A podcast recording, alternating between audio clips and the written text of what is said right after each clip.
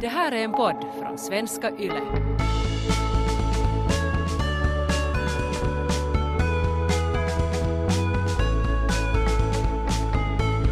varje vecka. Att liksom sätta oss ner och prata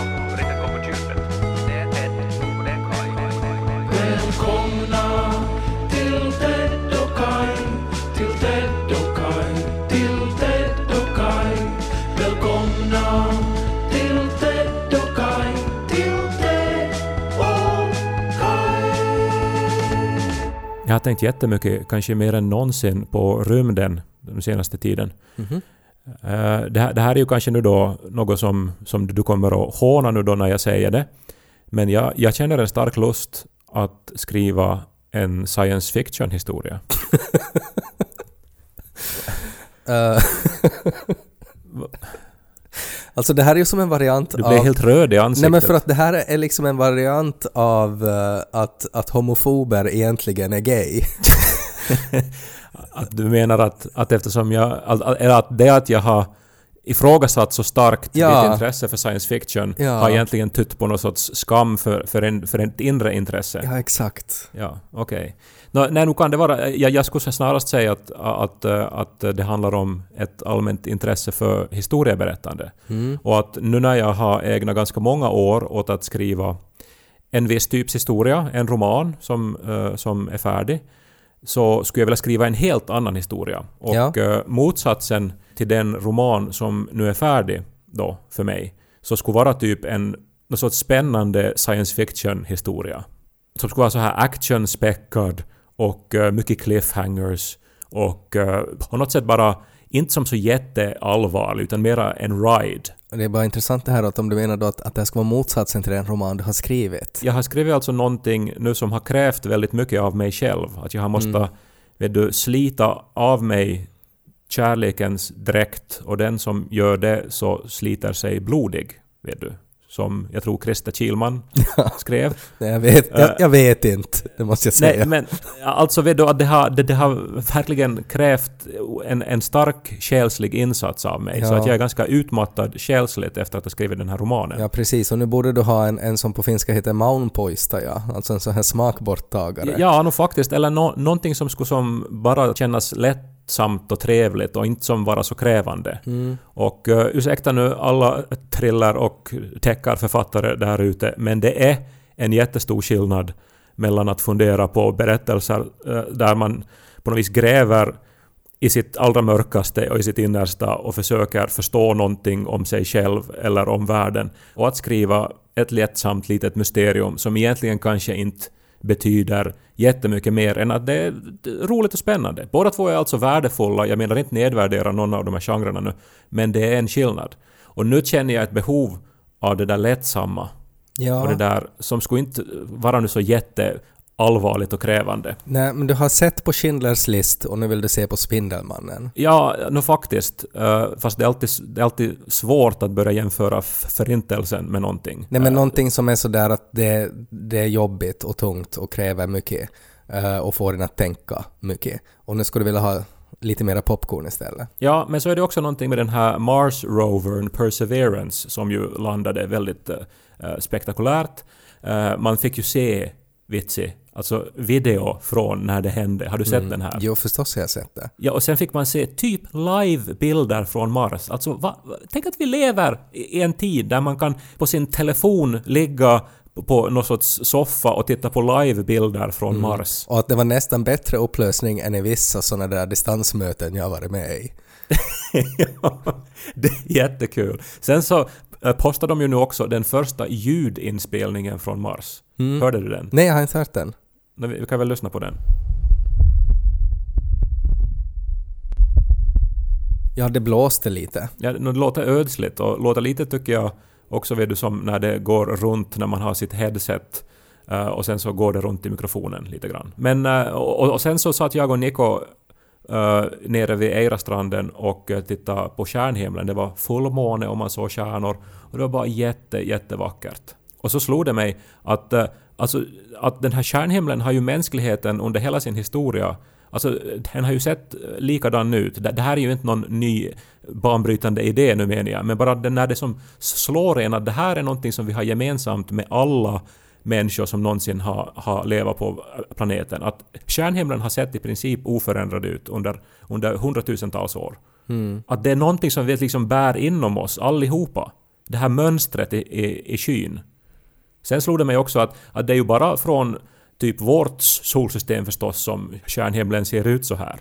Att den är ju som lite förändrad förstås då från, beroende från vilket perspektiv man har. Och mycket förändrad. Och sen slog det mig, för att universum är ju typ oändligt, att någonstans så finns det ju en planet så att när man tittar upp i himlen så står det helt odiskutabelt så står det kuken där. Med kärnor.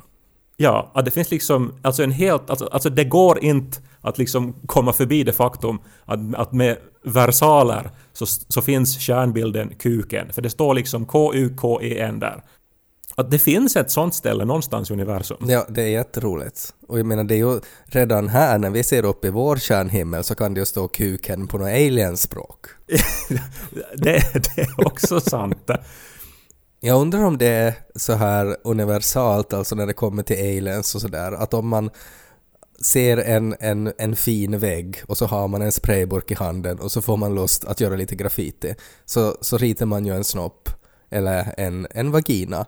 Att är det någonting som är universellt för alla aliens, att det, det första som man klottrar är ett könsorgan? Nå, Nu utgår vi då från att aliens då har könsorgan Jo, jo, nej, och de inte förökar sig med sporer Ja men då skulle de ju rita de där sporerna då.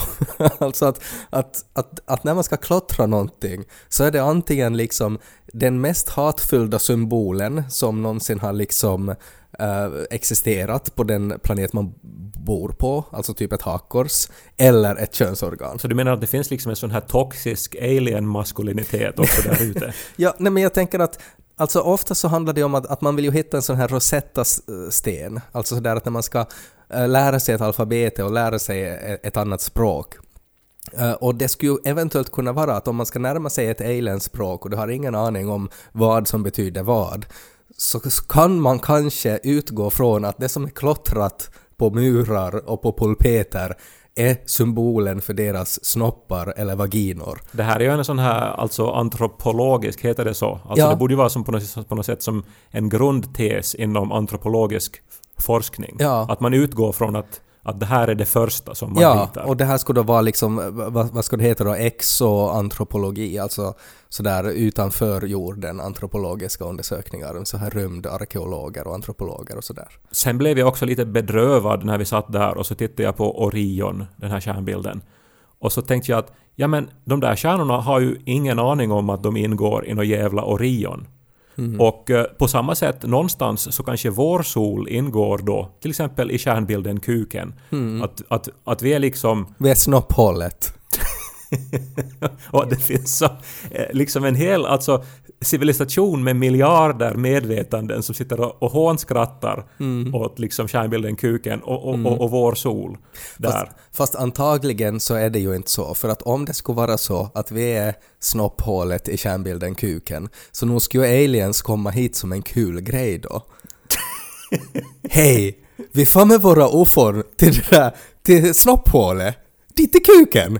Nej men det är ju de mest... Vart var det på semester?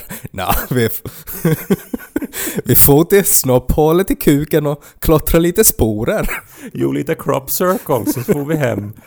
Det är som deras selfie när de har det. Men ja, alltså, det är hej! ju, eh, Tänk om det är så att crop circles, de ser ju jättekonstiga ut. Tänk om det är deras könsorgan. Förstås måste det ju vara Ja. det. För det är ju det första de skulle rita. Ja. Men det är ju just de här, vet du, alltså aliensens toxiska vet du, fotbollskillar. Det är ju de som reser till stjärnbilden kuken. Ja, ja. Just för att det är som en rolig grej. Mm. Och, och då, då är vi ju illa ute här, om, om det är så att vi är snopphålet, för det är ju som de huliganerna sen, som inte är intresserade av att vet du, knyta vänskapsband eller lära Nej. ut saker, utan de vill ju bara komma hit som en läppe. De vill komma hit och bara pranka oss. Det var en gång en Essebo och en Pormobo som till Åbo for till börja Radio Pleppo i lag som har valt i en podd idag. Hej! Snart kommer Ted och Kai, vi lyser med samma vi jagar haj. Hörlurar ni till i fot så pop nu denna popcorn. stötte på en, eh, en designer från Taiwan som heter Yi Fei Chen eh, och hon har designat eh, ett vapen som jag tänker skulle kunna sitta jättebra i din skiffy-thriller. Ett nytt sorts, alltså någon sorts laserpistol då. Ja, alltså det ser ut exakt som en laserpistol. Ja, det finns en bild av henne alltså där hon håller upp det här. Det ser ut som en guldstrålpistol. Eh, men det som är speciellt med den är att den har eh, små tuber, alltså små slangar som går från en behållare på den här pistolen. Eh, det ser lite ut som en vattenpistol men, men ändå inte riktigt. Och de här slangarna så far kring hennes ögon och näsa. Och hon har alltså designat en, en tårpistol som där upplägget är om någon är elak mot henne och får henne att gråta så samlar den här pistolen upp hennes tårar, fryser dem till små eh, snöbollar och så skjuter hon de här tårskotten på den som fick henne att gråta. Det här eh, låter ju som ett vapen designat av Joakim Berg i Kent eller någonting. Ja, men är det inte otroligt roligt? Alltså att man har att, att tänk dig att råna en bank med en sån här pistol. Om man, är, man, man kommer in hit, hit, hit med pengarna. Om ingen tror på en och ingen sådär varför ska vi ge dig pengar? Och så är man sådär FORT! Förolämpa mig! och så börjar man lite gråta och så kan man skjuta. Ja, men det är ju en jättefin idé det här nog att man på något vis... För känslor är ju ändå eh, det starkaste och det mest unika vapnet vi människor har. Så här. Eh, de är ju ofta förstås riktade inåt för det är ju subjektiva upplevelser men om man på, på något sätt skulle kunna transformera styrkan i de känslor som man har eh, och som... För jag menar det är ju en sorts energi ändå. Så att... eh, Alltså både den otroliga kraft och sen det poetiska i att använda det som ett vapen mot andra. Jo, alltså det här är ju, det, det här är ju, det är ju konst. Jo, och, och du är helt ute liksom, tycker jag, i för mig in, intressanta eh, spår just nu. För att jag, jag skulle ju inte vilja skriva, vet du, att det är krig mellan, mellan två rymdskepp. Vet du. Det är ju inte en sån historia, utan jag, jag vill ju att det ska som vara så här ungefär som om du har sett filmen Ad Astra med Brad Pitt. Alltså där han då är en astronaut som får ett uppdrag att han ska åka till Neptunus för att där finns någon störning. Och eh, han misstänker då att det är hans pappa som har varit försvunnen liksom i 30 år för han var på något rymduppdrag. Att det är han som orsakar de här störningarna. Och sen så kan man ju då läsa in här då förstås att ja, det här är ju dels då far och sondrama men det finns också en aspekt av att det är liksom Gud som har övergett jorden och, och att människan som letar efter Gud och så vidare. Alltså jag, vill att det ska som, vet du, ske på många plan. Att, det ska vara eh, någon sorts så här skiffy-intrig men att man ska kunna läsa in något så här allmänmänskligt också om kommunikation eller om, om, om kärlek eller något så här. Alltså för, det är ju det som gör att berättelser växer till någonting utöver att vara enkla berättelser till att bli så att säga litteratur. Och min fördom är ju att väldigt mycket thrillers och skiffy-litteratur inte har det i sig. Men jag vet ju att det finns ju så här Ray, Ray Bradbury och det finns ju, vad heter han, Pynchon och Vonnegut och sånt här liksom som, som ju eh, lyckas vara liksom båda två samtidigt och det är ju som dit jag skulle vilja. Ja, nej men alltså egentligen det är ju det här klassiska att du använder skiffy eh, för att eh, definiera någonting som kanske inte finns men som kan belysa en speciell aspekt av mänskligheten på ett, på ett snärtigt sätt. Ja, och, och så skulle jag ju gärna ta, eftersom jag nu ändå har ett sånt här intresse för kvantfysik och eh, liksom eh, relativitetsteori och, och, och, och sånt, liksom att jag, att jag skulle ta avstamp i någonting, alltså så forskning som existerar vet du, just nu. eh, så, så att det som ändå skulle som ha en är av att det är liksom trovärdigt. Mm. Och inte att det är så här att nu har vi plötsligt insett att man kan resa snabbare än ljuset. Ja, För det, det, det går ju inte. nej, nej men sådär Det att kommer när, aldrig att gå. när, ja fast det vet vi ju inte, men sådär att när, eh, när kloning var liksom en jättestor grej, så då kom uh, Crichton på då Jurassic Park, vi klonar dinosaurier. Det är liksom ett sånt upplägg. Jag hade ju en, en, en otrolig idé där en gång om att de klonar gamla författare till någon sån så här författar Jurassic Park. Jag tänker på den här scenen med den här triceratops-kackan skulle vara helt annorlunda då. Det, det, det, det, det utgick från ett citat av Jonas Gardell. Tove Jansson som springer där i djungeln. Clever girl. They actually set a trap. No, inte vet jag om, de skulle som, ha dem som en, som en sorts att, som en nöjespark, utan alltså, men, men som bara att man som liksom kan, kan, kan föra gamla författare tillbaks till livet av någon orsak. Jag har inte räknat ut vad det är. Kanske man vill fråga dem om, om någonting. Det finns ju väldigt många jättesmarta människor bland författare som man gärna skulle vilja veta vad de har för tankar om moderna fenomen och så här. Det avslutas med att Johan Ludvig och Fredrika far iväg på en roddbåt. Nature found a way. Nej, men det var alltså, alltså som sagt, jag, jag, jag läste ett citat av Jonas Gardell, som ju älskar annars att sprida sina egna citat. Att han kan ju på sin Instagram typ posta såna här tavlor med saker som han själv har skrivit.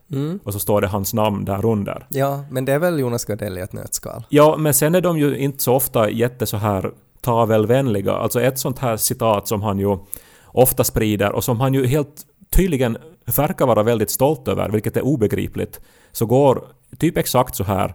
Man kan inte leva om sitt liv. Det är det som är själva grejen. Och det är ju, tror jag, hämtat från Torka aldrig tårar utan handskar. Det är ju sant i och för sig, men det är ju inte jätteelegant uttryckt. Alltså det är ju carpe diem, men uttryckt som en åttaåring ska uttrycka det. Och, och liksom det stör mig otroligt mycket att han då som postade på något vis till, till synes oironiskt som att det är liksom någon stor visdom som han har hittat på. Och att det skulle vara elegant uttryckt. Det är ju väldigt dåligt uttryckt, förlåt nu bara. Det är det som är själva grejen. Det, det, är inte, det är ju Shakespeare direkt på Men den. vad, vad var hans citat då? Vi klonar gamla författare. Det är det som är hela grejen. Nej, utan en gång så sa han en sak som var sant. Han sa att det finns ingen som runkar så mycket som författare. Och det, och det, och det tror jag är helt sant. Man sitter där ensam i liksom åratal i sitt arbetsrum eh, och speciellt nu för tiden också när ens arbetsredskap inte längre är liksom skrivmaskinen utan en dator som har liksom oändligt med porr inbyggt i sig. Och sen den här ångesten som ska dövas med någonting. Så jag tror att han, har, ha- att han har helt rätt i det här. Det finns ingen yrkesgrupp som runkar så mycket som författare. Men det skulle ju du kunna ha som tavla nog. Nej men det då börjar jag, tänka på. Men då måste ju finnas, vet du på den tiden ännu då när, när liksom författarna skrev riktiga manus på riktiga papper. Så hade de ju sina manus runt omkring i sitt kontor. Och, och förstås då om de har onanerat som djur där då så har det ju stängt eh, på de här manusen. Så det borde ju inte vara svårt att hitta författar-DNA tänkte jag då. Ja, alltså att det helt enkelt finns liksom sperma på originalmanusen. till, våra, till våra kändaste verk. Man, man behöver bara liksom gå till något så här Oscar Wilde-museum, ta fram något gammalt manus av The Portrait of Dorian Gray. Och sen så där hittar man ju då Oscar Wildes fullständiga eh, liksom genuppsättning. Och så är det Ja. bara att klona fram Oscar Wilde. Ja. Vad skulle liksom motsvarigheten vara då en mygga som suger blod och finns i bärnsten? Är det då någon som har... Nej, jag tänker på riktigt... Ja, no. Om Oscar Wilde besökte en, en brittisk så här 1800-tals så här rännstensprostituerad Uh, och så var hon med i något så här, det fanns ju mycket på industriella revolutionen så fanns det ju många farliga fabriker. Kanske var det någonstans där de koka bärnsten. Och så skulle hon då vara med om någon sorts olycka där hon då blir inkapslad i bärnsten. Men det finns eh, lite Oscar Wilde-DNA kvar då någonstans på hennes klänning till exempel. Ja, just det. Kanske bättre då med manuset. No, jag tänker också mera troligt så här att det, att det liksom faktiskt... Att det är som dit det har hamnat då, spår av DNA. Men som tänk nu, vi kan klona tillbaks några av eh, alla tiders liksom eh, mest eh, inflytelserika tänkare. Ja men det är ju just det där att vad är, vad är då arv och vad är miljö? Alltså om... Ja, men att om, vi skulle, om jag skulle liksom kunna klona in nu då uh, Topelius uh, i Janika till exempel. Så att Los skulle få en bror uh, och, och det skulle vara liksom Topelius, 100% Topelius DNA. eller, eller egentligen då Topelius mammas och pappas DNA skulle det ju vara. så inte tror jag ju att han skulle bli Ja, men om han skulle växa upp med Lo som bror, skulle han bli en sån begåvad författare som han var? Åtminstone skulle han ju se exakt ut som Sakris Topelius sen. Och det skulle räcka, tänker du då? Nej, nej men så I skulle en man sån här som- Jurassic Park-miljö så skulle det ju räcka, för då skulle man ju bara kunna vara dit och se på honom. Där han sitter i en bur och runkar.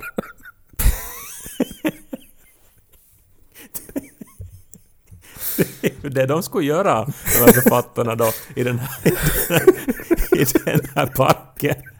Skulle sitta där i, i såna här, man har gjort inhägnader liksom med så här uh, fake-speglar så att man kan titta på dem i deras arbetsrum när de sitter och jobbar. Fast egentligen så sitter alla bara och runkar och de måste liksom stänga ner parken efter eller först la de K18 på den och, och sen till sist så stängde de ner den helt. För alla, alla börjar bara må dåligt av den här Men, rundturen. men det är ju som en variant alltså när man får till Högholmen och ska få, få se på lejonet och lejonet mår ju jättedåligt och bara vankar runt och runt och runt. Att inte står det ju där och ryter och gör lejonsaker. Så det skulle vara precis samma sak med de här författarna. Ska vi gå och se på när de komponerar sina romaner? Och så sitter de där i ett hörn med byxorna nere. Och hetsonanerar bort sin ångest över att måste skapa.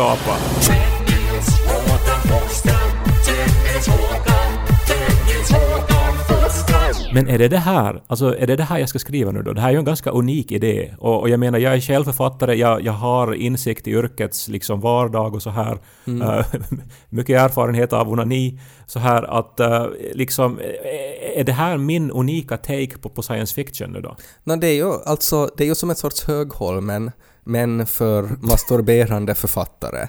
Alltså någon sorts Runkholmen. alltså, Men fokus är ju inte på onanin, utan Nej. det är ju på att vi får tillbaks kända författare som man får Ja. se på dem. Sen antagligen då, ett oundvikligt problem blir ju då att de inte kan avhålla sig från att onanera, men det, det måste vara som en sidointrig sen. kan man också spinna in någon sorts så här liksom apornas planet koncept här också, att de här författarna liksom tar över världen till sist. Eh, och att det liksom delas in i att är du en klonad författare eller är du liksom en, en vanlig människa? Ja, men författare är ju också alltså, rätt så fredliga så här, att, och, ofta introverta, att inte de ju de här som skulle gå ut och liksom alltså ta strid och börja som Nej, förinta någon makt eller så här. tänk dig nu Nietzsche på Facebook. Inte skulle det väl vara bara liksom kattbilder han postar? Nej, så skulle de ju starta podcast liksom. Det skulle vara Mm. Väinö Linna och just Runeberg som skulle Mm. sitta och diskutera om, om liksom vad som är det Alltså vad som konstituerar vårt land. Mm. Och de skulle göra det på ett så här spirituellt roligt sätt. Det skulle vara otroligt för Finlands självbild liksom. Ja. Att få lyssna till dessa, dessa fäder. Klon Topelius och Klon Runeberg har en podd där de pratar om vad de har runkat till.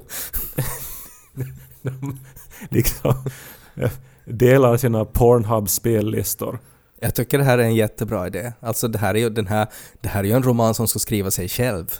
Det är ju liksom, du måste ju bara, du måste bara ha då någon, någon arkeolog som expert, eller egentligen någon ung författare då. Du kan ju skriva in dig själv som får på något sätt ta ställning till det här då. Och sen någon vetenskapsmän och sen måste ju vara något kärleksdrama också. Kanske någon blir kär i, i, i, i någon av de här författarna. Jag får en kallelse till ett hemligt experiment på Hanaholmen. Mm. Och eh, så ska jag ha med mig då någon sån här li- litteraturvetare då som har Mm. läderjacka och är så här cool. Som är som Jeff Goldblum. Hitta en cool litteraturvetare där. där kommer produktionen stannar där. Men det är ju science fiction ändå. Ja, sant.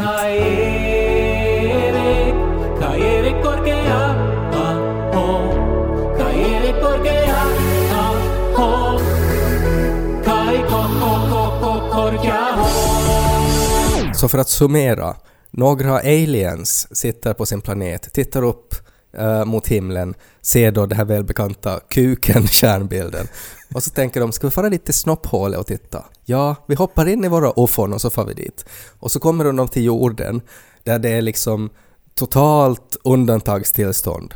De här klonade författarna, eh, de är överallt, de, de sysslar med det de älskar mest, vilket på något sätt leder till att det blir ännu mer författare, för det är så mycket DNA överallt. och de här aliensen, liksom, nu är det ju så här, ett ganska stort hopp att de här aliensen ska se då vad som händer på den här planeten och konstatera ja, de har säkert klonat gamla författare från spermafläckar på deras manus och skapat en sorts zoo för de här författarna och nu har de tagit sig ut och det har blivit en, en global kris. Det är det som sker på den här snopphålsplaneten just nu. Och så har de här författarna utvecklat vapen som har liksom slangar som går till deras pungar. Ja. Och så kan de liksom använda, de, de liksom skjuter ner aliensen då med sån här kri- kristalliserad Sperma som gör att det bildas ännu mera författare. De skjuter tårar och sperma. Alltså egentligen allt vad som kroppen kan producera så kan de frysa ner och skjuta på de här aliensen. cum wars. Jag ser det här som en trilogi. Ja. Kanske Di- Disney köper det sen. Det är så lätt att vara författare. Alltså här är ju, här är ju, hela synopsis är ju färdigt här. Tänk dig att du skulle pitcha det här på ett så här pitchmöte eller sådär där man diskuterar när du, när, du, när din agent frågar att ja, har du några idéer? Ja.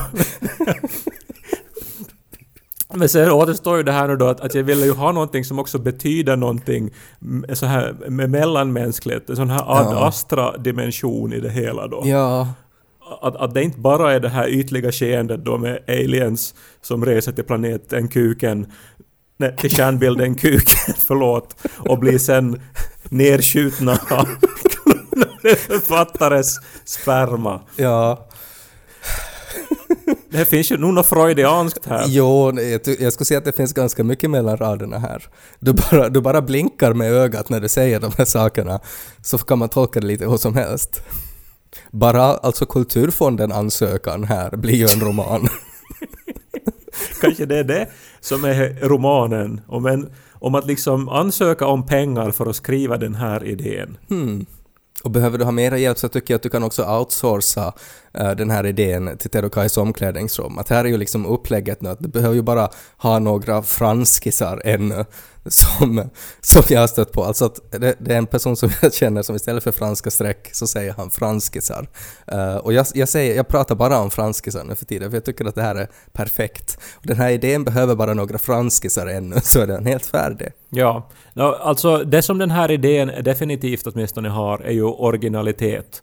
Och i en värld där allt har skrivits och hittats på och gjorts till serier och franchises så kanske jag ändå har en unik utgångspunkt här. Jag tror du har också, du har en tagline också eh, här. Du har spåret till en tagline, alltså i en värld där det bara finns klonade författare så är originalitet ditt enda vapen.